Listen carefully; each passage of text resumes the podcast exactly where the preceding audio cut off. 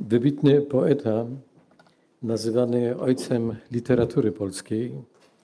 Y, to tylko tak przypomnienie, o kim mowa. Mikołaj Rej z Nagłowic. Y, napisał dzieło pod tytułem Krótka rozprawa pomiędzy trzema osobami. Panem, wójtem i plebanem. Przypominacie sobie coś takiego? Miała to być satyra na ówczesną rzeczywistość, próba przedstawienia sytuacji politycznej, obyczajowej i religijnej w XVI-wiecznej Polsce. Tak jak Kuba wspomniał na początku nabożeństwa, y, tydzień temu zacząłem omawiać Księgę Joba. I ten cykl nazwałem Księga o cierpieniu czy o Bożej wierności ale również można by ją było nazwać, parafrazując słowa Mikołaja Reja, krótką rozprawą. Pomiędzy, i tu już się kończą te rzeczy, które były yy, yy, takie te same, pomiędzy Jobem, Bogiem i szatanem. Trzy główne postaci, które będą przewijały się przez tę księgę Joba. Oczywiście ich jest tam więcej, ale mi chodzi o trzy główne postaci. I chcę Was zachęcić, żebyście otworzyli Księgę Joba, to jest strona 548. Wiecie, pierw myślałem, przygotowując się do tego kazania, że y, uda mi się przejść cały ten pierwszy, wersa, y, pierwszy rozdział, ale okazuje się, że, że musimy go podzielić na dwie części. I pierwsza część y, jest zapisana między wierszem pierwszym i piątym, i na tym się skupimy. Był mąż z ziemi Us imieniem Job. A mąż ten był nienaganny i prawy, bogobojny i stroniący od złego.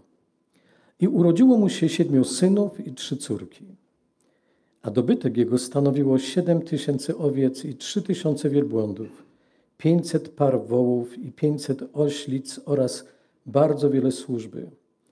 Był to mąż najmożniejszy ze wszystkich mieszkańców wschodu. Synowie jego zwykle wydawali uczty, każdy w swoim domu, w swoim dniu. Wtedy posyłali po trzy swoje siostry i zapraszali je, aby z nimi jadły i piły. A gdy minęły dni uczty, posyłał Job po nich, aby ich poświęcić. Wstawał wczesnym rankiem i składał całopalenia za każdego z nich. Myślał bowiem Job, może zgrzeszyli moi synowie i znieważyli Boga w swoich sercach. Tak czynił Job zawsze. Kochani,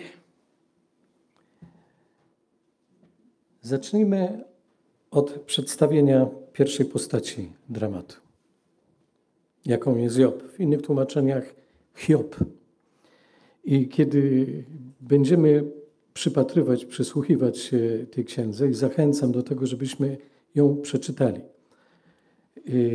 Do następnego razu do końca ten pierwszy werset, bardzo Was proszę, ale żebyście też mogli już oswajać się z treścią Y, pozostałych y, rozdziałów. Jeżeli ktoś z Was po raz kolejny będzie czytał tę księgę, nie bójmy się zawsze, jak zresztą ma to do czynienia Boże Słowo, zawsze coś znajdziemy nowego dla siebie. I kiedy będę mówił o Jobie, będę na przemian y, wypowiadał albo Job, albo Hiob. Dla mnie to będą synonimy. Kochani, wiemy, że w czasach Starego Testamentu przykładano wielką wagę do imion, do ich znaczenia. Człowiek był tak związany ze swoim imieniem, że pozbawienie go imienia było równoznaczne z pozbawieniem go życia. Imię nieraz naznaczało przyszłość osoby, która je nosiła, niejako charakteryzowało tę osobę. Często traktowało, traktowano też imię jako życzenie skierowane do tej osoby, bądź konkretne proroctwo. Przykładowo, imię Jakub Jak wiemy, oznaczało chciwiec albo chcący sobie wszystko podporządkować. I takim był szczególnie na początku ten patriarcha, który chciał wszystko sobie podporządkować do pewnego momentu, kiedy nastąpiło spotkanie z Bogiem i się wszystko zmieniło. Abstrahując, gdy idzie o to imię, czy jesteśmy tymi, którzy starają się wszystko sobie podporządkować, czy też jesteśmy w sytuacji, kiedy Bóg zaingerował i wszystko się zmieniło i stało się coś zupełnie nowego, innego. Wiemy, że Jakub przestał nazywać się Jakub, ale zaczął się nazywać Izrael. Noemi i jej mąż, pamiętacie z pewnością, nazwali swoich synów Machlon i Kilion, co oznaczało słabowity i podatny. I dokładnie tacy byli. Według Księgi Ród obydwaj krótko po tym, jak się ożenili, zmarli. Imię Salomon oznacza pokój. Niezwykle trafnie dobrane, gdyż król Salomon był pierwszym królem Izraela, który władał w czasach pokoju. No ale co znaczy imię Job? Hiob. Bibliści mówią, że można je traktować czy interpretować dwojako. W języku arabskim Hiob, Job oznacza tego, który się odwraca w znaczeniu pokutuje. W języku hebrajskim imię to oznacza prześladowanego, doświadczanego. Jeszcze inni uważają, że imię Hiob na starożytnym Bliskim Wschodzie oznaczało, gdzie jest ojciec. I gdybyśmy chcieli teraz zestawić te wszystkie trzy znaczenia, to spokojnie możemy powiedzieć, że one wszystkie mają swoje odbicie w niesamowitych doświadczeniach Joba, zapisanych w księdze noszącej jego imię. A nawiasem mówiąc, księga ta została nazwana od imienia głównego bohatera, a nie od autora tej księgi, którego nie znamy. Tradycja rabinistyczna przypisuje autorstwo Mojżeszowi, ale to jest tylko kwestia tradycji. Kochani, niektórzy teologowie liberalni uważają, że Hiob jest tylko bohaterem literackim. Jest postacią fikcyjną, a nie autentyczną osobą, nie człowiekiem z krwi i kości. Ale spójrzmy do słowa. Nie powinno nas interesować to, co mówią ludzie, ale co mówi słowo. W księdze Ezechiela czytamy, 14 rozdział, wiersz 13-14. Synu człowieczy, jeżeli jaki kraj zgrzeszy przeciwko mnie i ja wyciągnę swoją rękę przeciwko niemu, to choćby nawet byli z nim ci trzej mężowie, Noe, Daniel i Job, wybawiliby swoją sprawiedliwością tylko swoje własne dusze, mówi Wszechmocny Pan. W liście Jakuba w piątym rozdziale, w jedenastym wierszu, czytam według najnowszego tłumaczenia Y, czyli ten najnowszy przekład dynamiczny. Tylko ci z nich, którzy wytrwali, doświadczyli wiecznej szczęśliwości. Przypomnijcie sobie także o wytrwałości Hioba i nagrodzie, jaką na końcu otrzymał od Pana. Pan bowiem jest łaskawy i pełen miłosierdzia. Kochani, jeżeli wierzymy w to, że Biblia jest Bożym Słowem, to wierzymy, że Hiob jest postacią historyczną, a nie fikcją literacką. Co o nim wiemy? Poproszę, żeby Marek y, włączył slajd. Proszę, byście również mogli wyłączyć y, oświetlenie, żeby ten slajd był czytelny. Według wiersza trzeciego był to mąż najmożniejszy ze wszystkich mieszkańców wschodu. Nie udało mi się żadnego znaleźć kolorowego, stąd ten czarno-biały.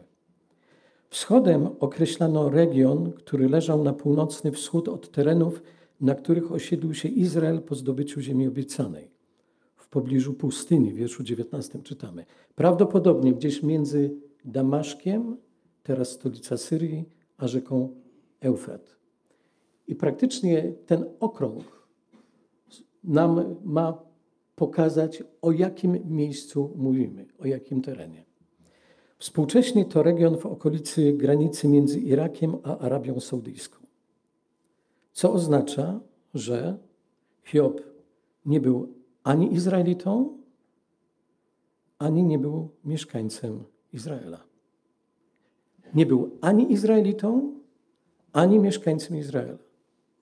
Natomiast jeżeli czytamy Księgę Hioba, odnosimy wrażenie, że mamy do czynienia z człowiekiem, który jest niejako wychowany na Bożym prawie, który zna doskonale Boga, aczkolwiek wiele razy pyta o wiele rzeczy i Bóg daje mu odpowiedź.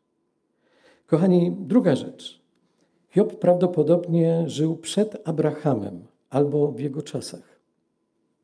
Wielu biblistów uważa, że Księga Joba to jedna z najstarszych ksiąg Biblii i opisuje historię z czasów przed Abrahamem.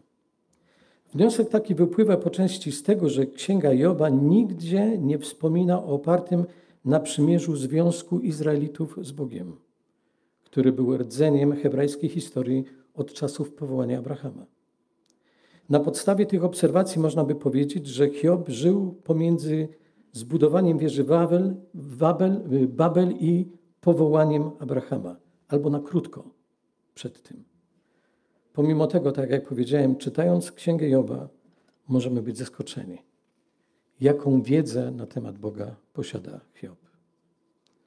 Gdybyśmy popatrzyli na oryginał hebrajski, to zwrócilibyśmy uwagę, że w Księdze Hioba 38 razy Hiob nazywa Boga El Shaddai jako wszechmogący, posiadający wszelką moc, wszechwystarczalny.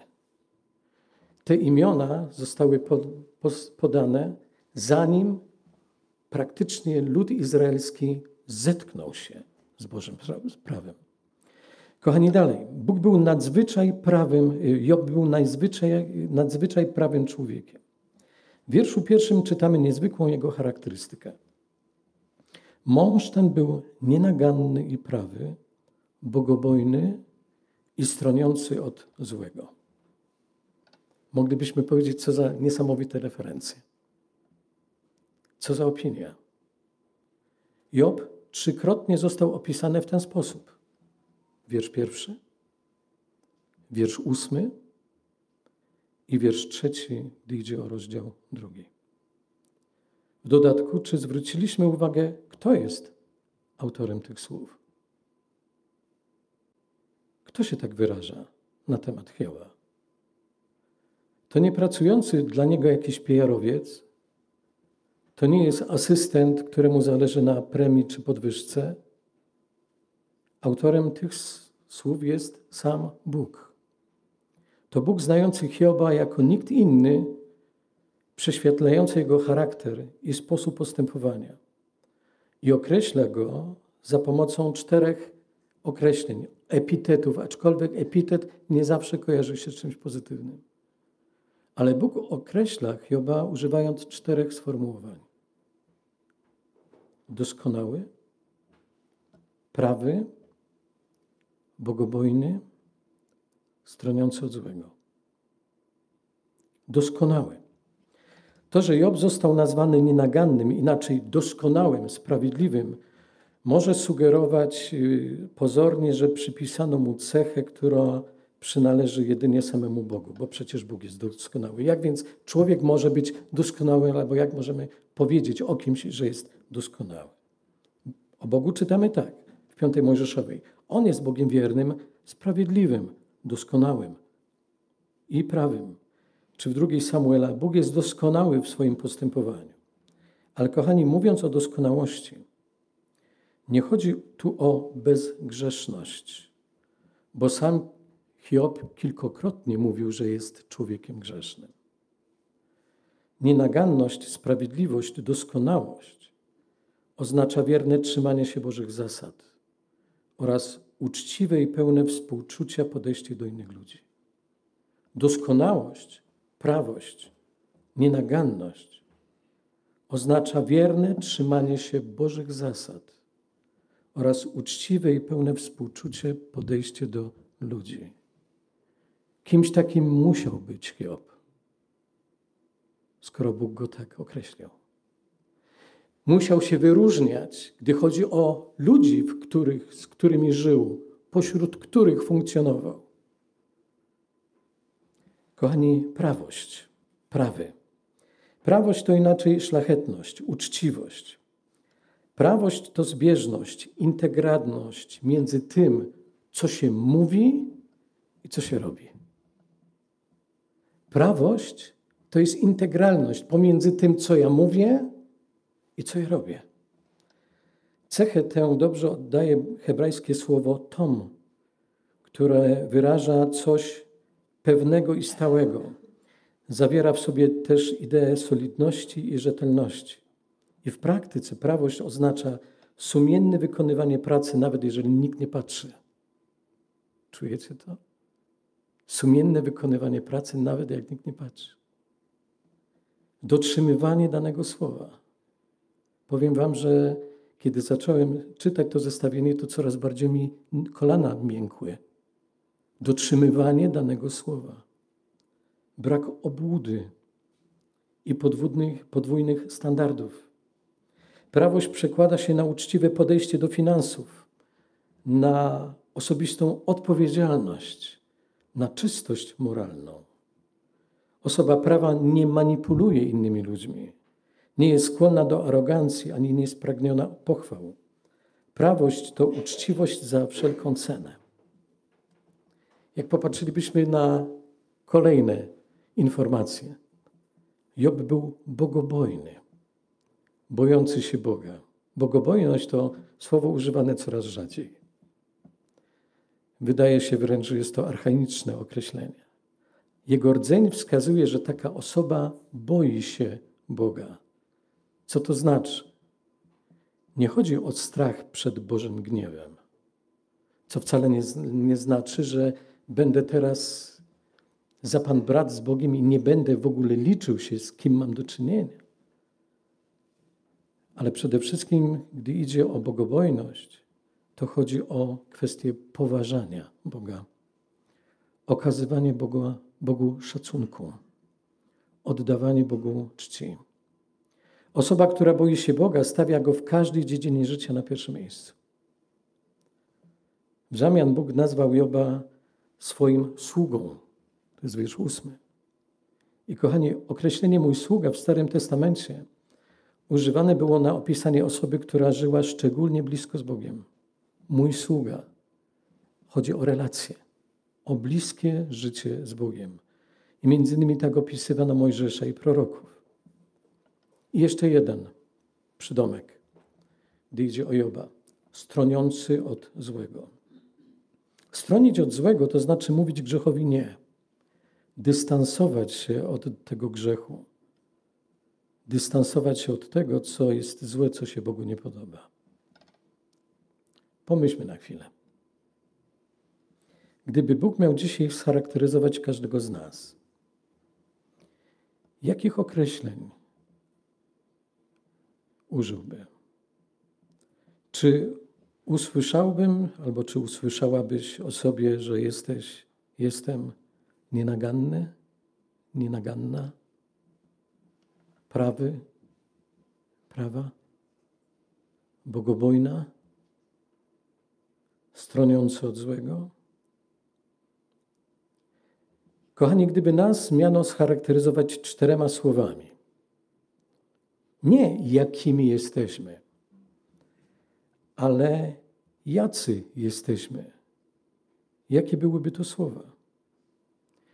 Gdybyśmy teraz taką listę pokazali swojemu współmałżonkowi, swojej żonie czy mężowi albo dzieciom, co by powiedzieli, patrząc na tę listę, na to zestawienie? Parsknęliby śmiechem? Co? Tata bogobojny i prawy? Moja żona nienaganna? Mój, żon, mój mąż niestroniący od złego? Śmiechu, śmiechu warte. Kochani, może ostatecznie tak o nas powiedzą. Wiecie, o kim się nie mówi źle? O umarłych. Nie wypada mówić źle. Stąd też nieraz Jesteśmy w stanie, będąc na pogrzebie, usłyszeć informacje o kimś i potem zaczynamy stawiać sobie pytanie, chwileczkę, ale chyba mieliśmy do uczynienia z dwoma różnymi zupełnie ludźmi. Skarbie, y, kochani, wybaczcie, ale myślę też o swojej żonie.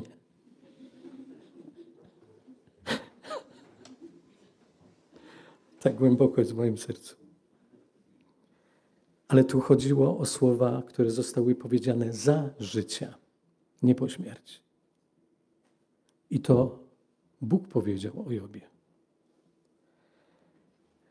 Kochani, co wiemy jeszcze o Jobie? Że był człowiekiem bogatym i szczęśliwym. Jak doskonale wiemy, pieniądze są niezbędne do życia, ale czy zawsze mają przełożenie na szczęście?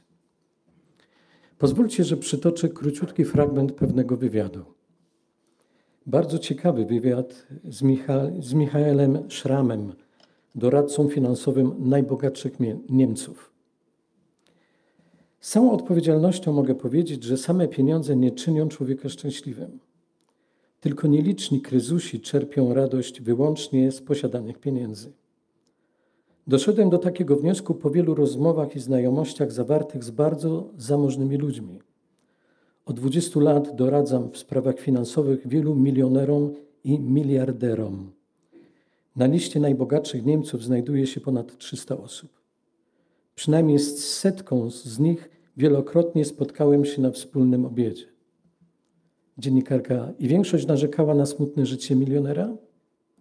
Nie było tak źle. Ludzie zamożni i szczęśliwi czerpią poczucie zadowolenia z innych źródeł niż pieniądze. Najczęściej opowiadają z dumą o osiągnięciach swoich dzieci lub działalności charytatywnej. Jeszcze nigdy nie widziałem milionera, któremu liśniły oczy ze szczęścia, kiedy prezentowałem zyski wypracowanego przez, wypracowanego, wypro, wypracowane przez jego kapitał. I proszę mi wierzyć, a było się czym pochwalić. Zatem, jeszcze jedno pytanie. Nie istnieje bezpośredni związek między pieniędzmi a szczęściem? Nie wyciągałbym aż tak daleko idącego wniosku. Znam milionerów, multimilionerów, którzy zamienili posiadłość w pole uprawne, a w piwnicy domu zbudowali schron przeciwatomowy w obawie przed wybuchem III wojny światowej. Co z tego, że mają zamrażarki pełne zapasów żywności, skoro nie potrafią cieszyć się życiem? Tyle wywiad. Ale wróćmy do Joba. Możemy powiedzieć, że to ówczesny multimilioner, Bill Gates swoich czasów. Jego dzieci, a ma ich aż dziesięcioro, siedmiu synów, to z kolei jest symbolika biblijna. Chodzi o pełnię rodzinnego szczęścia. I trzy córki, mając tak majętnego ojca, też opływają dostatki. W wierszu czwartym czytamy: Synowie zaś zwykle wydawali uczty, każdy w swoim domu. Wtedy posyłali po trzy swoje siostry i zapraszali je, aby z nimi jadły i piły. Kochani, zwięzły styl opowiadania mógłby sugerować nieustanne świętowanie. Od rana do wieczora, gdy chodzi o dzieci Joba. Jednak jak uważają bibliści, chodzi tu o niereligijny charakter ich świętowania i może z okazji urodzin. I taką interpretację nasuwa zwrot zawarty w wierszu czwartym. Każdy w swoim domu. Chodziło o konkretne, jakieś ważne wydarzenia. Ale zarazem świadczy to również o silnej ich więzi rodzinnej. Więź rodzinna. Coś, o czym powoli zaczynamy zapominać. Skupiając się, koncentrując na sobie, zapominamy, jak ważną rzeczą jest rodzina. Co z tego, że będziesz miał pieniądze? Jak nie będziesz miał relacji ze swoimi bliskimi? Co z tego, że będziesz powodem, nie wiem, marzeń? Jak tak naprawdę, kiedy będziesz zamykał swoje drzwi, wchodząc do domu, zrzucisz maskę uśmiechniętego człowieka, uśmiechniętego człowieka, i tak faktycznie popatrzysz na lustro, jeżeli będziesz miał na tyle odwagi i dojdziesz, dojrzysz wzrok człowieka, który tak naprawdę w życiu nie ma nic. Kochani, co robił wtedy Job, kiedy rzeczywiście była rodzina, która się spotykała? Wiersz piąty. Po zakończeniu każdego rodzinnego spotkania posyłał Job po nich, aby ich poświęcić. Wstawał wczesnym rankiem i składał całopalenie za każdego z nich. Myślał bowiem Job, może zgrzeszyli moi synowie i znieważyli Boga w swych sercach. Tak czynił Job zawsze. Kochani, wiecie, gdy to czytam, uświadamiam sobie, jak niezwykle istotne jest modlenie się o nasze dzieci. Jeżeli jesteśmy rodzicami. Jak niezwykle istotne jest to, że modlimy się o nie. Obojętnie, czy idą drogami Pana Jezusa, czy nie. Ja jako ojciec jestem odpowiedzialny za swoje dzieci. Jak ważną jest moja rola, nawet jeżeli moje dzieci są już dorosłe. Dzieci Joba też miały już swoje domy, zapewne były już osobami dorosłymi. Jeśli nasze dziecko jest dorosłe, rola rodzica jako opiekuna czy wychowawcy się kończy. Tak naprawdę, czy mi się to podoba, czy nie, nie powinienem wtrącać się w życie mojego dziecka, dyktować, co ma robić i jak to ma robić. Ale nigdy do końca życia nie zostanę zwolniony z obowiązku, aby o moje dziecko, nawet jeżeli ono skończyło sześćdziesiątkę, modlić się i przynosić je przed Boże oblicze. Jak to wygląda z naszymi modlitwami? Zwracam się do, do Was, do rodziców. Jak to wygląda z naszymi modlitwami o nasze dzieci? Obojętnie, czy są przy Panu, czy są daleko, to tym bardziej, jak są daleko od Pana, potrzebują naszych modlitw. Nawet jeżeli poważnie nie traktują tego, z jakimi wartościami myśmy wyrośli i co dla nas jest ważne. Ale to jest moje zadanie jako ojca, też jako dziadka. Modlenie się o moje dzieci, o moje wnuki. Jeżeli tego nie robiliśmy, albo jeżeli były jakieś inne rzeczy, które spowodowały, że przestałeś to robić, to zachęcam Cię, żebyś zaczął to robić.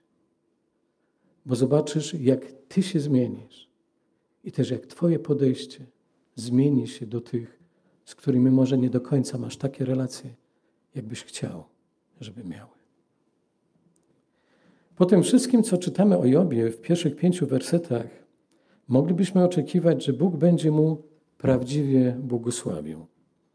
Tak jak to zrobił w wypadku innego biblijnego bohatera Jabesa. No bo czy bo Job nie zasłużył sobie na to? Na błogosławieństwo, na poszerzenie granic, na to, by ręca, ręka Boża go ochroniła i by zło go nie dotknęło? A tu co? Nieszczęście za nieszczęściem. Tragedia za tragedią. Wydaje się, że jeśli coś mogło pójść nie tak, to poszło. I możemy stawiać pytanie: Boże, dlaczego tak traktujesz swoich przyjaciół? Dlaczego tak, tak traktujesz kogoś, kogo określiłeś doskonałym, prawym, bogobojnym i stroniącym od złego? I w dodatku nazwałeś go swoim sługą. Ale o tym będziemy mówić w przyszłym tygodniu. Serdecznie zapraszam i zachęcam do tego, żeby przeczytać ciąg dalszy tej historii. Niech Was Bóg błogosławi. Amen. Będziemy się modlić.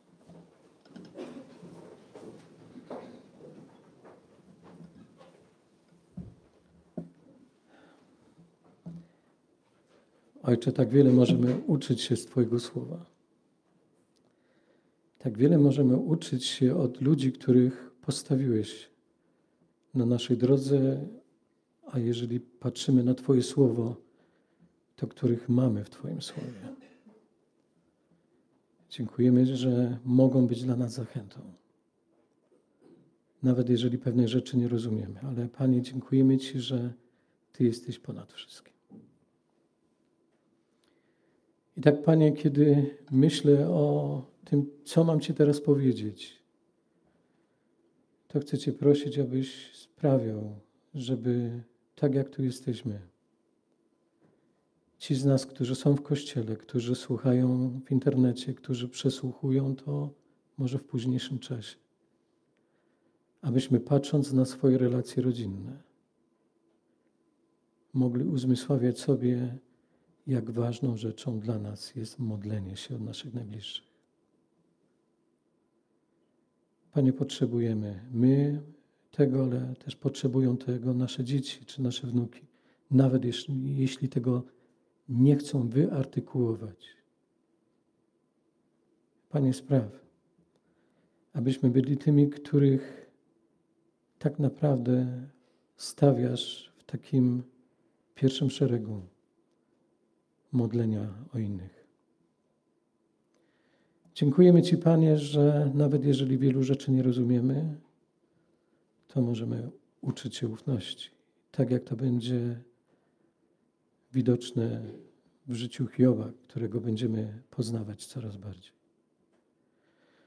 Panie, dziękujemy Ci, że jesteś Bogiem, który ma o nas jak najlepsze myśli.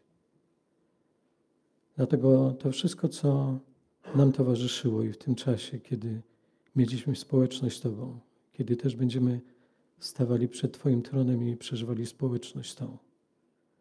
Panie, jeżeli nie było coś, jeżeli było coś niewłaściwego w naszym życiu, jeżeli było coś, co spowodowało, że wyrządziliśmy Tobie przykrość, chcemy Cię przeprosić. Chcemy prosić Cię o to, żebyś nas wyciszył, oczyścił, ale przede wszystkim, żebyś nas wypełnił Twoim pokojem, bez względu na okoliczności. Oddajemy Tobie wszelką chwałę i cześć, a chcemy się o to modlić, Ojcze, przez Pana Jezusa, w mocy Świętego Ducha. Amen.